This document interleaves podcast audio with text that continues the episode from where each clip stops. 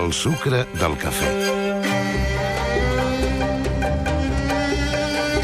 Totes les persones que tenen una malaltia crònica progressiva i es troben en fase terminal tenen dret a les cures pal·liatives. Tothom hauria de tenir dret a un bon morir.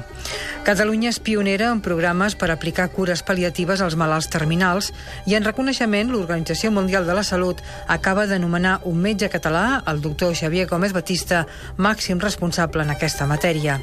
L'OMS calcula que cada any 20 milions de persones de tot el món necessiten cures pal·liatives, però només una de cada 10 rep aquest tipus d'atenció al final de la vida. Això és perquè només el 30% dels països de l'OMS tenen programes específics en aquesta matèria.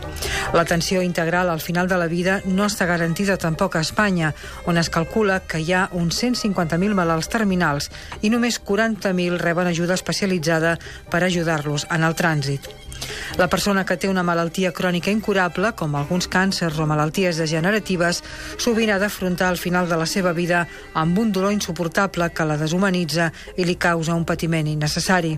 Això pot provocar un fort impacte emocional en el mateix malalt i també en la seva família, que sovint no sap com gestionar la situació i ho viu amb angoixa i sofriment. Donar suport al malalt i al seu entorn és l'objectiu de les cures pal·liatives. Actualment, la medicina té recursos farmacològics i psicològics per afrontar aquestes situacions. Les cures pal·liatives han de ser considerades un dret humà universal perquè tothom té dret a marxar d'aquest món amb dignitat.